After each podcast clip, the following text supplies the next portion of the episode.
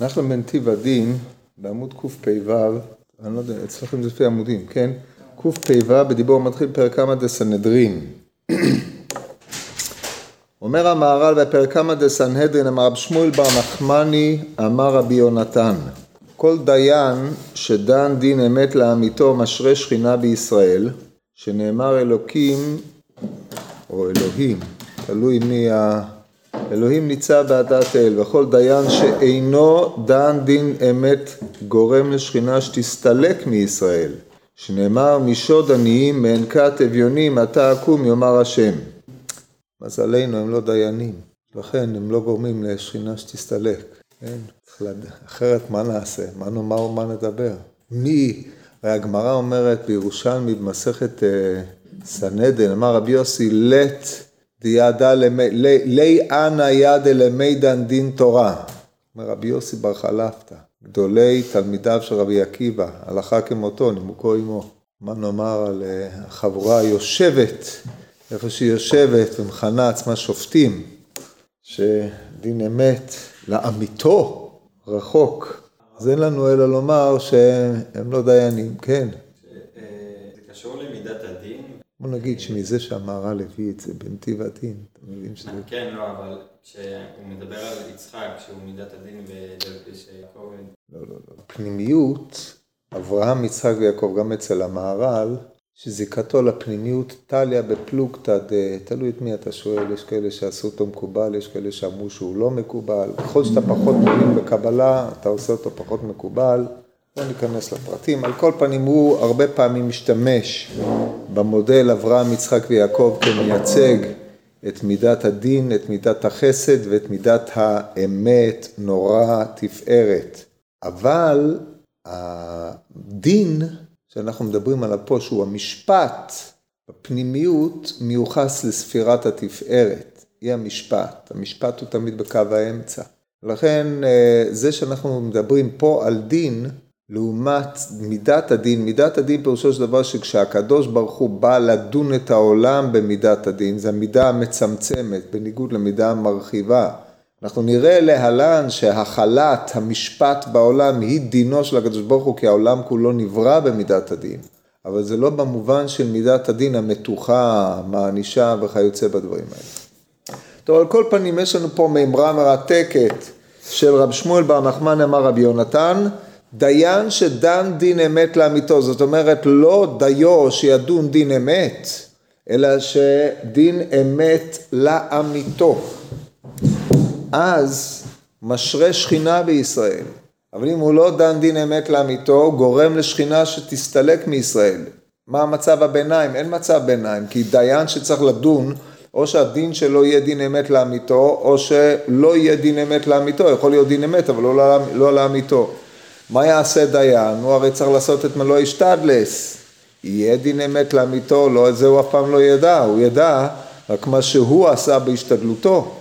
אז לכן אנחנו צריכים פה לדון אה, שהמושג דין אמת לאמיתו גם היא קשורה לתודעתו של הדיין, אף על פי שהמהר"ל בדרך חיים מפרש בווריאציות שונות את התוספת דין אמת לאמיתו, כמו שנראה בפסקה הבאה, נראה איך הוא מפרש כאן את הגמוריה הזאת. עכשיו רק שימו לב לפסוקים. הדיין שדן דין אמת לאמיתו משרה שכינה בישראל שנאמר אלוהים ניצב בעדת אל בקרב אלוהים ישפוט. אלוהים ניצב בעדת אל בקרב אלוהים ישפוט. האלוהים השני הם דיינים. האלוקים הראשון לפי הפרשנות הזאת מדובר על הקדוש ברוך הוא המשרה שכינתו. אלוקים זה מיתת הדין השורה בארץ, כן? אלוקים ושם אדנות, שתיהן המידות שאומנם באות מעולם האצילות, ממלכות, מלכות, מלכות האצילות, אבל הם הגילוי של ההנהגה האלוקית בארץ, הם הקרויות בהקשר זה שכינה. לכן האלוהים ניצב בעדת אל במובן של שכינה ניצבת בעדת אל, בקרב אלוהים ישפוט. היא באה ושופטת או מתלווה לאלוהים השופטים, דהיינו לדיינים. ואילו אם הוא לא דן דין אמת לאמיתו, אז עליו הכתוב אומר בתהילים, משוד עניים ומענקת אביונים אתה אקום, יאמר השם.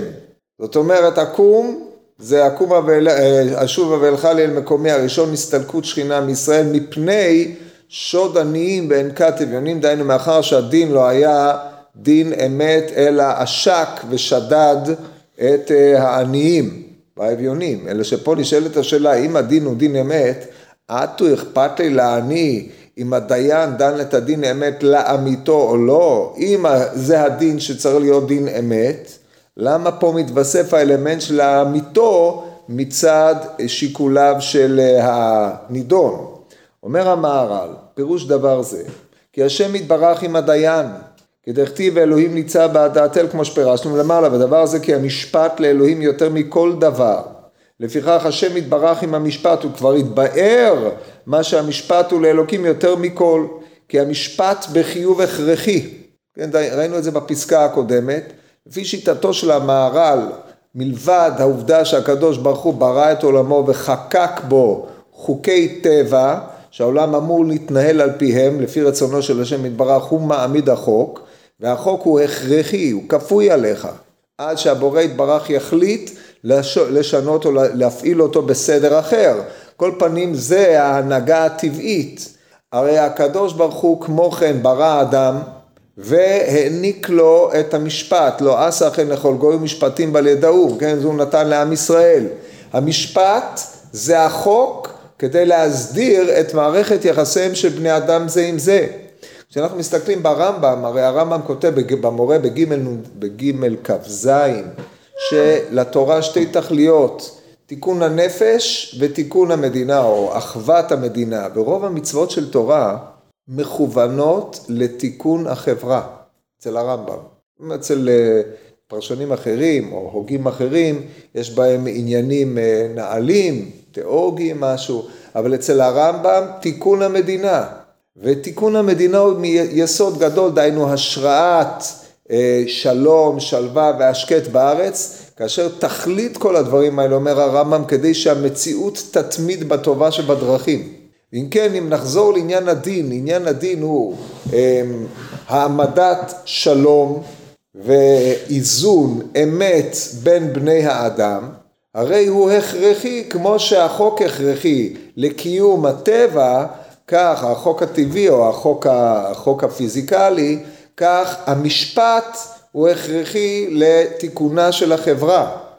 אלא מה? שההפרש בין החוק לבין המשפט הוא שהחוק הפורה יתברך חקק אותו, הוא כפוי עליך. מבחינת על כוחך אתה נולד, אתה נולד לעולם שמנוהל על פי חוקים אלו ואחרים. היכולת שלך לשנות אותם היא מזערית. לעומת זאת, המשפט מסור כל כולו לבני ישראל. יש איזה ירושלמי מדהים על הפסוק בתהילים מ' עניין הירושלמי הוא איך שהקדוש ברוך הוא מסר הנהגות שונות לישראל. לפי גם בפסיקתא רבתי, אומר התהילים, פרק מ' על פסוק אה, כן, כתוב ככה, רבות עשית אתה אדוני אלוהי, נפלאותיך ומחשבותיך אלינו. אין ארוך אליך אגידה ואדברה עצמו מספר. רבות עשית השם אלוקיי, זה כל החוקים. אבל נפלאותיך ומחשבותיך, הדברים היותר פנימיים אלינו, מסרת לנו. ככה נדרש פה. המשפט נמסר לישראל כדי שהעולם מנהג על פי התכונה שהקדוש ברוך הוא רצה בה, כי הוא ברא את העולם במידת הדין, כמו שכתוב בראשית ברא אלוהים את השמיים ואת הארץ, והעמדת התנהלותה של חברה על פי אותו דין זה הכרחי, זה חוק, אלא שהחוק הזה עצמו מסור לבחירתן של ישראל. אז זה אומר המהר"ל, זה עניין ההכרח, דיברנו על זה בפעם שעברה, לפיכך המשפט שהוא מחויב לשם יתברך ואין כאן אמצעי ואין כאן חציצה, רק המשפט לאלוהים לגמרי, אלא שהקדוש ברוך הוא מסר את החלת המשפט בארץ לדייני ישראל. אבל דייני ישראל עושים את הדין כפי שהקדוש ברוך הוא חקק אותו, או אם הם עושים כפי שהקדוש ברוך הוא חקק אותו, אז שכינה שורה בישראל. מששריית השכינה היא התנהלות העולם כפי רצון האל יתברך. וככה היה בהתחלה, באתי לגני אחותי כלה, לגני מכבר, באתי לגן שכבר הייתי בו. עד שלא סילקו אותו עובדי אלילים, הקדוש ברוך הוא שרה בתחתונים, כמו שכתוב בתנחום המפורסם, עיקר שכינה בתחתונים הייתה. שהנהגת העולם על פי הדין מורה על העובדה שהקדוש ברוך הוא מנהיג את עולמו. וכמו שכתוב, מי גוי גדול אשר לא חוקים ומשפטים צדיקים כאדוני אלוהינו, בכל קוראינו אליו. זאת אומרת, החוקים ומשפטים הצדיקים הללו מנכיחים את גילויו, גילוי השכינה בארץ. זה, זה הרעיון. אם אתה לא פועל בתור דיין על פי החוקים והמשפטים, או שאתה מעוות את החוק, אתה גורם לשכינה שתסתלק מישראל, מפני שאין פה ביטוי לחוכמה האלוקית המנהלת והחוק האלוקי שאותו הוא מסר לך כדי שתנהג בו בעולם. אז זה מה שהוא אומר פה, מפני זה עצמו השכינה מסלקת עצמה מן התחתונים על ידי עיוות המשפט.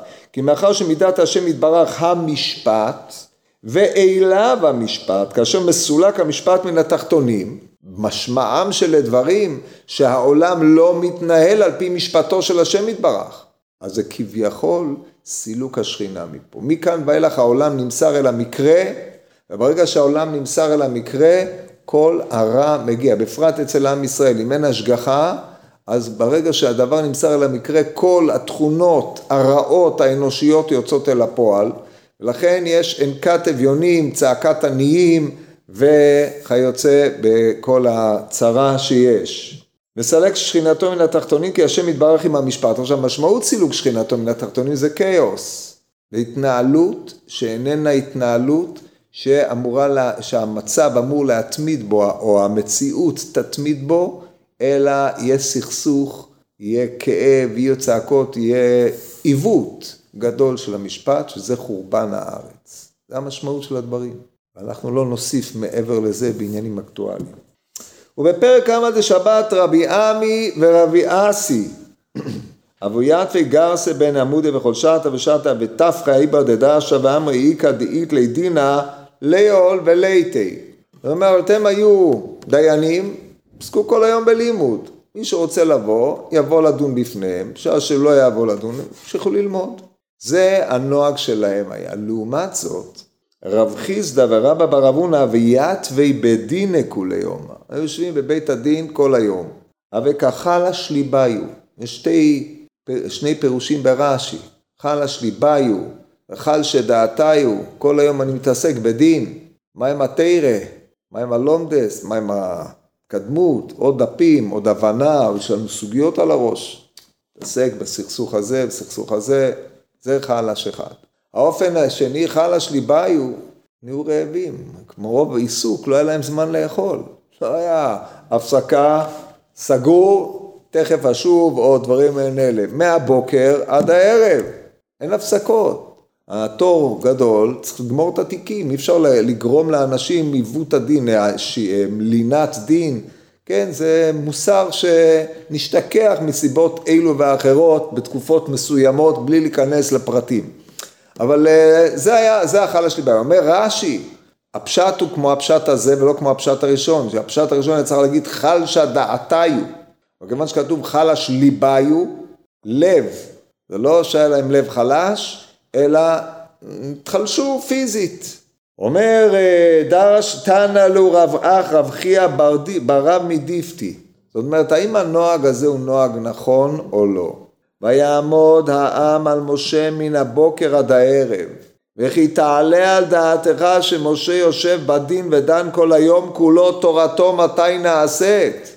אז מבחי יעלה על דומה שאך מפני שכתוב ויעמוד, משה על, ויעמוד העם על משה מן הבוקר עד הערב הם נאלצו לפתוח את שערי בית הדין מהבוקר עד הערב.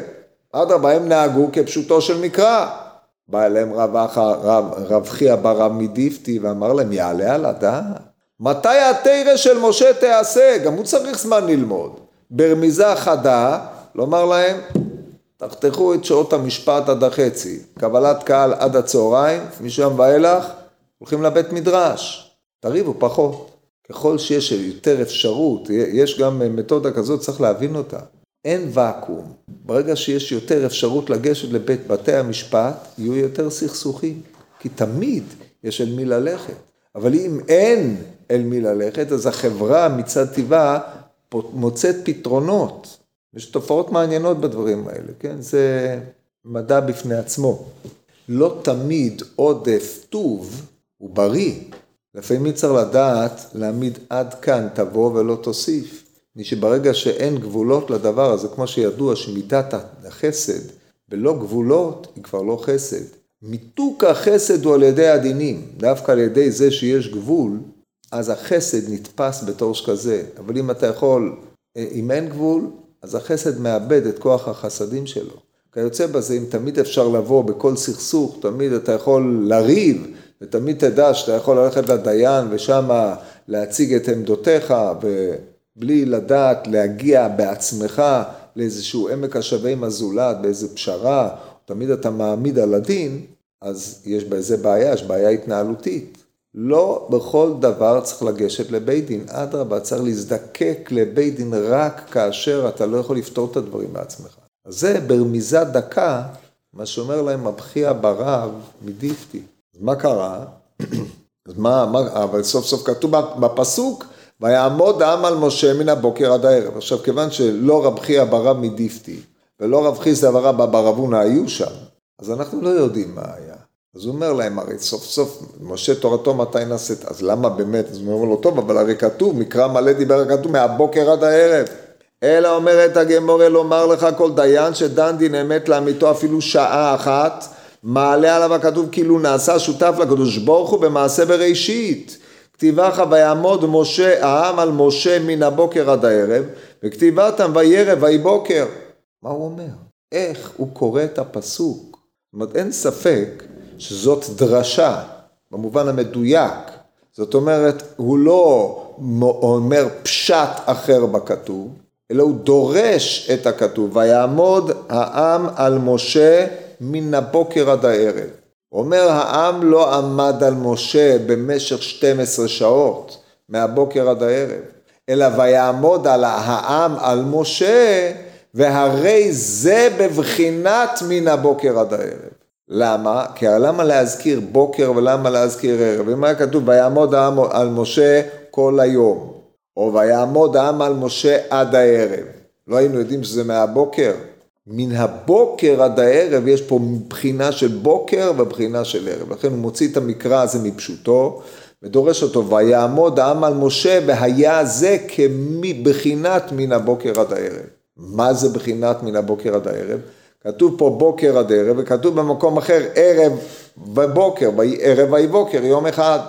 זאת אומרת, העם עמד על משה כך שהמשפט של משה היה כעין, ויהי ערב ויהי בוקר. עכשיו זו דרשה מובהקת שאינה פשוטה של מקרא חד משמעית, אינה פשוטו של מקרא חד משמעית, אבל כל זה בא לומר להם, אין חובה לעשות את מה שאתם עושים. טוב, עכשיו נראה מה המהר"ל עושה עם העניין הזה, מה משמעותה של הדרשה ואיך המהר"ל מפרש אותו. את הדבר הזה ביארנו בפרקים. בפירוש שלו על פרקי אבות נקרא פרקים, כבר דיברנו כמה פעמים על היחס בין דרך חיים, שזה הפרקים, לבין הפירוש הזה. דרך חיים הוא התיאוריה, והספר הזה הוא יותר היה העניין היישומי, לכן זה נקרא דרך וזה נקרא נתיב. כי הדרך היא הדרך הרחבה, והנתיבות הם היוצאות מן הדרך הרחבה. דרך חיים סובב על מאמרי התנאים בפרקי אבות. ורוב נתיבות עולם סובב על מימרות החכמים בתלמודים ובמדרש, שזה פיתוח של דרך חיים עם הוראות, אה, עם הורדת העניינים הללו להנהגה קצת יותר מעשית. אומר המהר"ל דבר זה ביארנו בפרקים כי מי שדן דין אמת לאמיתו הוא נקרא האלוהים. האלוהים המשמעות של המונח הזה הוא רב משמעי. אחד המשמעויות שלו הוא דיין, מנהיג, שופט. דבר זה ביארנו בפרקים כי מי שדן דין אמת לאמיתו הוא, דהיינו הוא ורק הוא הנקרא האלוהים, כמו שכתוב בקרא ונקרא בעל הבית אל האלוהים, אם לא שלח ידו במלאכת רעהו. עד האלוהים יבוא דבר שניהם אשר ירשון אלוהים. ודבר זה ידוע כאלוהים מידת הדין, ובשם זה ברא הקדוש ברוך הוא עולמו שנאמר בראשית ברא אלוהים, כי נברא העולם בדין. שגזר להיות נבראים, ובמידת הדין נבראו. גזר להיות נבראים. שים לב, המונח גזירה, לגזור, זה לפסוק, זה לחתוך, זה דין. דין קובע גבול. עכשיו יש לזה עוד היבטים. אף אחד לא שאל אותך אם אתה רוצה להיברא, כמו שאמרו, בעל כורחך אתה נולד. אף אחד לא, אה, או כשהקדוש ברוך הוא החליט לברוא את העולמו, הוא גזר שהעולם ייברא. והוא גזר שהעולם ייבנה, ייברא במידות שהוא חקק וקבע להם, מה שנקרא בוצינה, בפנימיות זה נקרא בוצינה דקרדינותא. זאת הייתה הגזרה האלוקית, ככה הוא חקק את עולמו. הוא חקק את אמיתות ההנהגה האנושית, גם זה חקוק מאיתו. זה לא נתון לשכל אנושי, כי כל חברה יכולה להעמיד לה משפט אחר. המשפט, משפט יחסי. מה שטוב לחברה מסוימת, חברה אחרת מתנהגת באופן אחר. בדורות מסוימים התנהגו באופן הזה, וזה היה להם המשפט האידיאלי. דורות אחרים ראו את הדבר הזה וחלשה דעתם לאמור עד כמה הם היו ברברים וכן הלאה וכיוצא בזה. כל דור מעמיד לו משפט אחר, כמו שאנחנו יודעים. על הצורך בדיני תורה, כמו שהתפלספו בזה כל החכמים, השוטרן ועוד, על ההבדל בין המשפט האנושי, מה שקרוי הנימוס, לבין החוק האלוקי. ולכן הדבר הזה הוא נחקק, הוא נגזר על האדם, זה מידת הדין. כי נברא העולם בדין שגזר להיות נבראים בו במידת הדין נברא, והדיין שדן דין אמת לאמיתו נעשה שותף לקדוש ברוך הוא במעשה בראשית. עכשיו שימו לב עד כמה הדבר הזה עמוק, מעשה בראשית לא היה שם שותפים. הוא ברא את העולם. בנקודה אחת, משם העולם יוצא מן הכוח אל הפועל, הכל ביום הראשון, לא היו לו שותפים. כתוב במדרש, מלאכים, שלא תאמר זה מותח מפה, זה... אין שותפים. אבל במידת הדין, הקדוש ברוך הוא שמסר את הדין לבני אדם, הם בהכרח השותפים. כי השותפות הזאת היא מה שמקיימת ומתמידה את העולם. אז יש סיבת המציאות, אבל גם יש סיבת הקיום. סיבת קיומו של העולם שהקדוש ברוך הוא המציא וגזר, זה העמדת הדין בארץ. לכן האדם נעשה שותף לקדוש ברוך הוא במעשה בראשית, כי מעשה בראשית יכולים להיות גילוי ליחידותו והיות הבורא יתברך בורא רק על ידי התמדתם, והתמדתם היא על ידי העמדת חברה שמתנהלת על פי החוק האלוקי. זה הרציונל שעומד פה ביסודם של דברי המהר"ל, נראה איך זה כתוב פה, הדיין שדן דין אמת לאמיתו נעשה שותף לקדוש ברוך הוא מעשה בראשית שהרי נקרא הדיין בשם אלוהים ובזה נשתתף לשמו אשר ברא הכל. ואין הדין כמו מידת החסד. הרי לכאורה תגיד כתוב בפסוק והלכת בדרכיו מהו רחום אף אתה יהיה רחום מהו חנון אף אתה יהיה חנון ואצל הרמב"ם מהו קדוש אף אתה יהיה קדוש במדרשי הלכה מדרשי אגדה ובצל בעל הלכות גדולות, מה הוא חסיד, אף אתה יהיה חסיד. הוא לא חסיד של איזה רבה, אבל הוא נוהג בחסידותו, אף אתה תנהג בחסידות, כן? ויש מה הוא, אף אתה. אז מה ראו לומר שדווקא מידת הדין, בזה אתה נעשה שותף לקדוש ברוך הוא במעשה בראשית, אבל כאשר אתה הולך בדרכיו, זאת לא נקראת שותפות. למה לא? הרי אברהם אבינו עליו השלום. שהוא זה שהורה את הדרך, כמו שהרמב"ם אומר, ועל על אברהם אבינו כי דעתיו למען אשר יצווה את בניו וביתו אחריו ושמרו דרך השם לעשות צדקה ומשפט. למה דווקא במידה, במשפט נתייחד שותפותו של, של הדיין עם הקדוש ברוך הוא בראשית? אומר המהר"ל, כי יש חסד למעלה מן החסד. יש דרגות שונות של חסדים. אבל, והקדוש ברוך הוא חסדו גדול יותר מחסד האדם. כי החסד הגדול ביותר של האדם, של החסד הגדול ביותר זה להעמיד אדם עושה חסדים. וזה האדם לא יכול לעשות. לכן חסדו של הקדוש ברוך הוא גדול מהאדם, כי אוי לו חסד ייבנה. בנוי הכל מחסדו של האל יתברך. אז לכן אי אפשר להגיד שהאדם שותף עם הקדוש ברוך הוא בחסדים. במה אתה שותף? אתה מתבטל באינסופיות חסדו של הבורא יתברך. אבל, ופה חידוש גדול שלו, אבל המשפט שהוא משפט אמת אין לומר בזה כמשפט גדול ממשפט אחר, יש משפט אמת. האמת בארץ היא גילוי משפטו של השם יתברך. זה רצונו, זה העמדת החוק. כמו שאמרנו, את זה הוא מסר לעם ישראל, לעם קרובו, להעמיד משפט בארץ.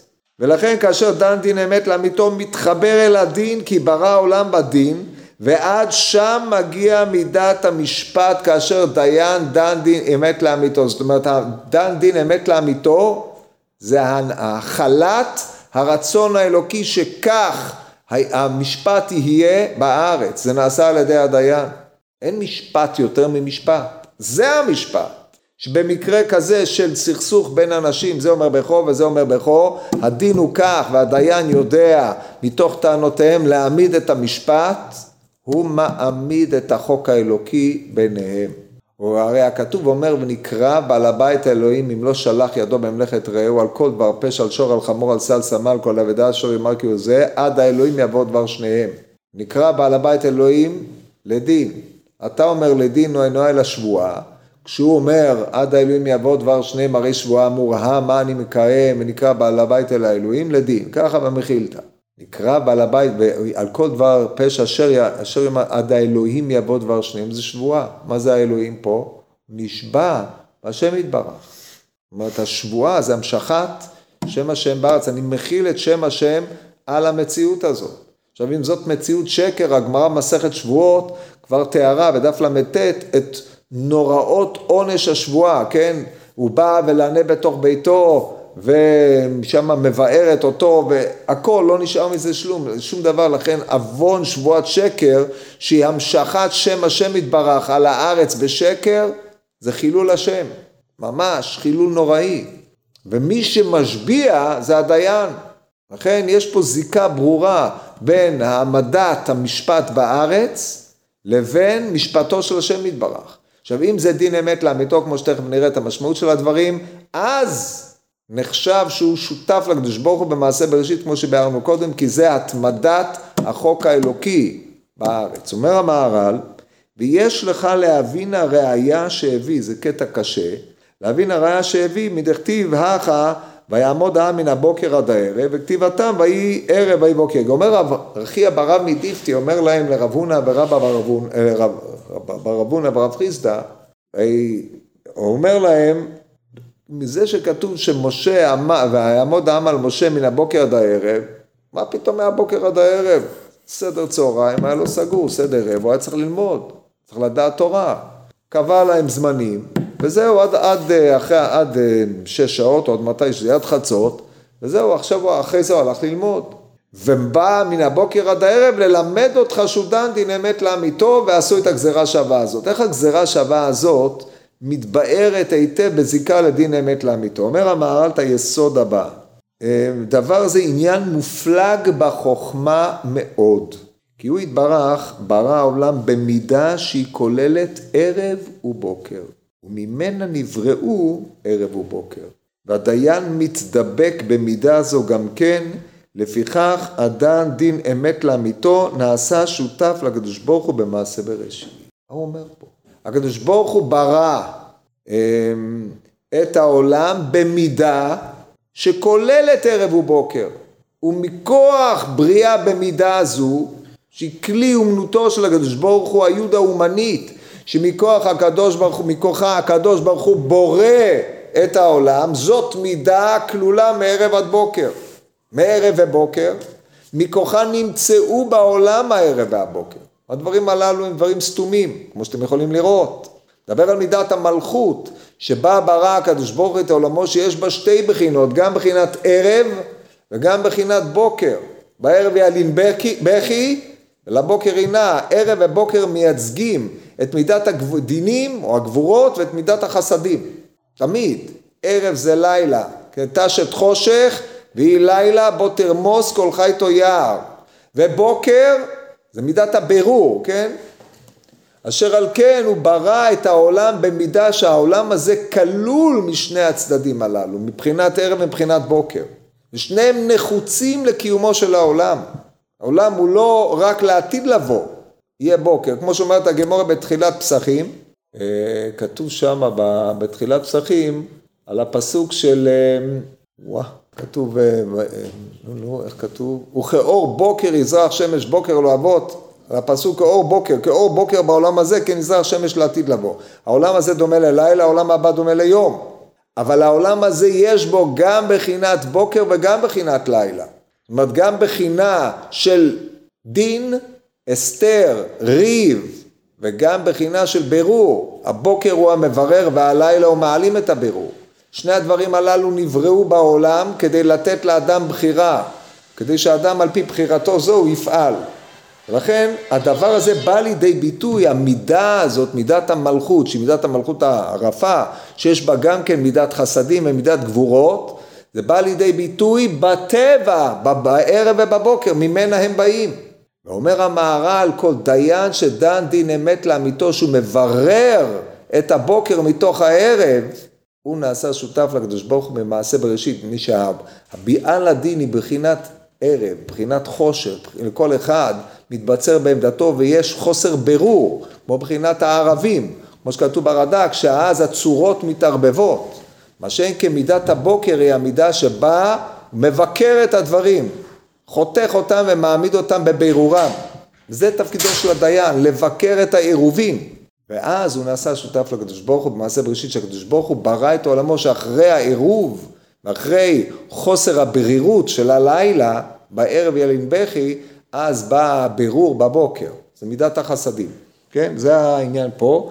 ועוד ביארנו דבר זה בפרקים. ולשון לאמיתו שאמר, אינו רצה לומר כמו שנמצא קצת מפורשים, שאם היה דן, הדין הוא בעל, הדיין, בעל הדין היה רמאי עד שלא יצא הדין אמת, והדיין עשה מה שיש לו לעשות, שזה לא נקרא דין אמת. כי ודאי נקרא גם כן דין אמת, כאשר הדין הוא דין אמת לפי דעת הדיין. נניח שיש לך נוכל מובהק שלא הצלחת לעמוד על טיבו. עכשיו יש דין שאסור לחתוך את הדין. ברגע שדיין רואה דין מרומה, מחלוקת איך דנים, מחלוקת מהרם רוטנבורג והרמב"ם העניין הזה, אבל על כל פנים בדין מרומה אסור לך לחתוך אותו. לא יאמר אני אחתוך את הדין ויהיה קולר תלוי בצוואר העדים או בצוואר הבעלי דינים. לא יאמר דבר כזה, אסור לך לחתוך.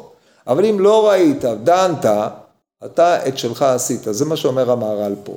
אז מה זה לאמיתו? אומר המהר"ל, היסוד הוא הפוך, רק פירוש דין אמת לאמיתו הוא שהוא מכוון על האמת לגמרי. מה זה לגמרי? איך אפשר לכוון על האמת למחצה? אם לא כיוונת לגמרי זה לא אמת. אומר המהר"ל, מה הפשט? שהוא ברור אצלו וזה דין אמת לאמיתו, ואם לא אמר לאמיתו היה משמע שאיכי דדן דין אמת, אף שהדיין לא נתכוון לאמת, רק שהוא מבקש לזכות את אוהבו, ובאמת הדין כך הוא, דבר זה אינו, רק שצריך שמכוון לאמיתת הדין ואין זה אריך. כן, הדבר פשוט, אומר המהר"ל, אם אתה ראית אותו, אומר כן, זה הקרוב שאני חייב, חייב לזכות אותו. עכשיו, אליבא דאמת, הדין הוא איתו, אבל אתה לא התכוונת שהוא יזכה מפני שהדין אומר שהוא יזכה, אלא התכוונת שהוא יזכה מפני שהוא הקרוב שלך, אז אף על פי שבפועל נעשה פה דין שאילו דיין אחר היה דן אותו, היה דן כמוך, אתה לא דנת דין אמת. אבל כאשר אתה דן את הדין אמת לפי הבנתך בשולחן אורוך, בפוסקים, במה שהולך, זה נקרא דין אמת לאמיתו. בפרקים הוא פירש באופן אחר.